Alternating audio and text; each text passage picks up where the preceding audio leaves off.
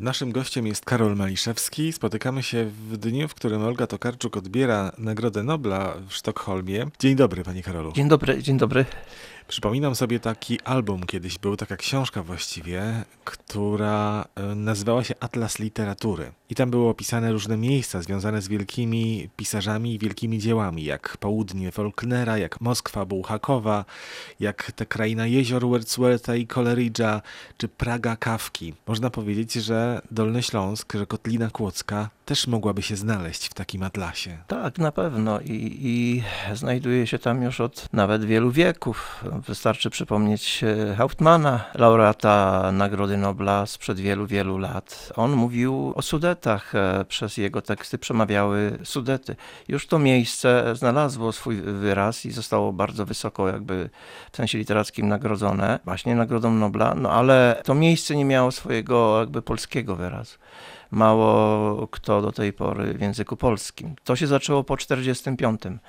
Oczywiście najpierw dominowały takie narracje nostalgiczne, osadnicze, też związane z tymi wielkimi migracjami, tak, Henryk Worcel czy pan Srokowski, czy Zygmunt Ciszka i innych autorów można by wymienić, ale dopiero pojawienie się Olgi jakby wzniosło to wszystko na naprawdę wysoki poziom literacki, moim zdaniem. I teraz takie pytanie się trochę kołacze niektórym być może po głowie. Co by było, gdyby Olga Tokarczuk nie zamieszkała po studiach w Wałbrzychu? Pisałaby pewnie, tylko trochę inne książki. Byłaby sobą, bo to, co najważniejsze e, w jej książkach, to jest ta niesamowita umiejętność snucia narracji, która przeskakuje raz z czegoś nierzeczywistego do rzeczywistego.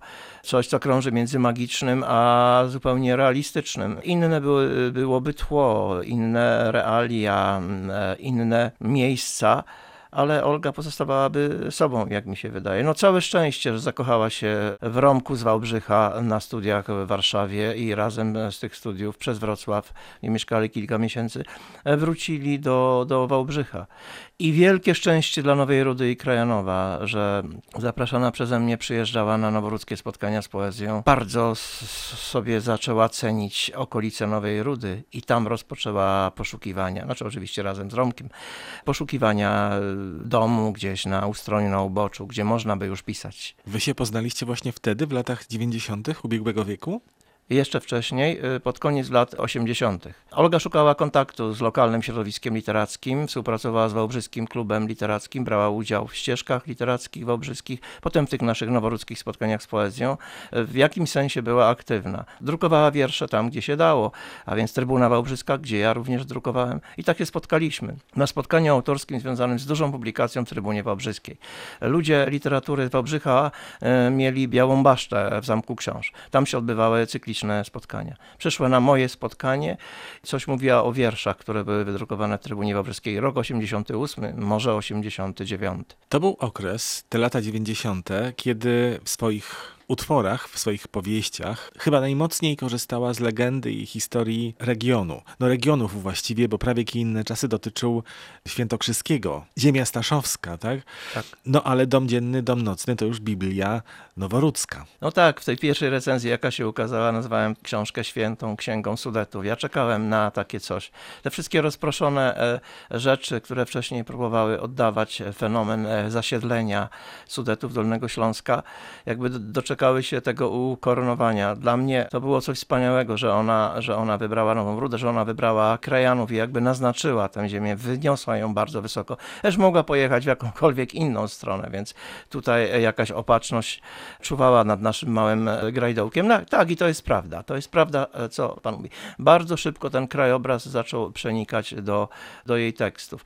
E, jeszcze jest w miarę ogólny i, i taki uniwersalny we wcześniejszych książkach, ale kiedy już od 90 1993 roku mocno wrasta w ziemię noworudzką, e, czy w ogóle w Kotlinę Kłodzką. Tych śladów e, w jej twórczości jest e, coraz więcej, a najlepszym tego dowodem dom dzienny, dom nocny, gdzie, gdzie jest dosłowna Nowa Ruda i okolice, realistyczna, reportażowa, ale jest też oniryczna, a więc dwa takie domostwa i dwa typy narracji. A jak oniryczna, to sięgająca do jakiejś takiej głębokiej mitologii i przerabiająca przekrywająca e, na nowy sposób wszystkie zaznane po niemieckie legendy.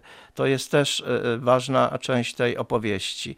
Obok tych bohaterów, bardzo, bardzo intrygujących, bardzo, bardzo takich jakby głęboko psychologicznie zbudowanych czy uzasadnionych, jest, jest mnóstwo postaci historycznych czy legendarnych. O, o to się wszystko e, tam nawzajem przenika. Jest jeszcze taka powieść dotycząca Wrocławia, dziejąca się we Wrocławiu, czyli EE. Teraz Olga dzieli swoje mieszkanie na krajanów i na Wrocław. No i oczywiście podróżuje po świecie. To też jakby w kontekście tej całej literackiej geografii potwierdza, że istnieje jednak geniusz loci, no bo przecież Wrocław to i bohater Marka Krajewskiego, ale przede wszystkim miasto. Bez przestrzeni nie byłoby literatury. No jak najbardziej. Dla mnie i dla wielu podobnych, nie wiem, wrażliwości czy psychik, nie ma pisania bez e, zagospodarowywania, bez e, wchodzenia w przestrzeń, bez e, oswajania przestrzeni. I ona wtedy jakby zaczyna grać, pojawiają się wszystkie oddźwięki związane z topografią, z układem, z krajobrazem, ale też z głęboką historią. Jak to się spotka w dziele, to to jest niesamowita e, rzecz. Olga ma tę umiejętność spotykania tych wszystkich warstw, bo przecież nie tylko dom dzienny, dom no, nocny, ale e, pamiętajmy o wielu opowiadaniach z gry na wielu bębenkach, bardzo mocno dolnośląskich, kłodzkich, e, Bardo, Ratno i tak dalej, i tak dalej. Gdzieś tam w Ambierzyce też już wcześniej opisywane, używane jakby przez pisarkę, ale mamy też ostatnie historie gdzie tak naprawdę ta upiorna dość akcja, jakby pozagrobowa w jakimś e, e, sensie, rozgrywa się na ziemi kłodzkiej, gdzie znowu Bardo, gdzie gdzieś tam w tle Kłodzko, gdzie Lewin Kłodzki autorka obsesyjnie do tego, do tego wraca. Jakby uznała, że ta ziemia, rodzaj historii, rodzaj magii, odpowiada e, jej zamysłom, zupełnie rezonuje. No i tak to się stało właśnie. A dom dzienny, dom nocny istnieje w noworudzkiej świadomości, w świadomości noworudzian? No w jakimś stopniu tak, ale e, znamy statystyki dotyczące czytelnictwa. E, Nowa Ruda nie jest jakimś wyjątkiem na tym tle, bardzo kiepsko z czytaniem. Aczkolwiek biblioteka prosperuje, no głównie kobiety czytają. Na spotkaniach z Olgą przychodziło zawsze mnóstwo osób i długa kolejka po autografy. Też prowadziłem e, spotkanie po wydaniu domu nocnego, domu dziennego. Bardzo wiele zakupiono egzemplarzy, więc myślę, że one są czytane. Ja sam też próbowałem e, do programu edukacyjnego szkolnego wprowadzać pewne fragmenty w ramach edukacji regionalnej. Nasza mała ojczyzna, inne nauczycielki też to, też to czyniły. Prowadzą taki cykl spotkań edukacyjnych e, Małe Góry Literatury. Przynosiłem tę książkę i opowiadałem dzieciom. E, słuchajcie, e, w tej książce jest zupełnie inna legenda o powstaniu Nowej Rudy. Pani pisarka wymyśliła sobie e, sektę nożowników i tak dalej, i tak dalej. Otwierały oczy ze, ze zdumienia, że tak można. No, na tym polega siła wyobraźni.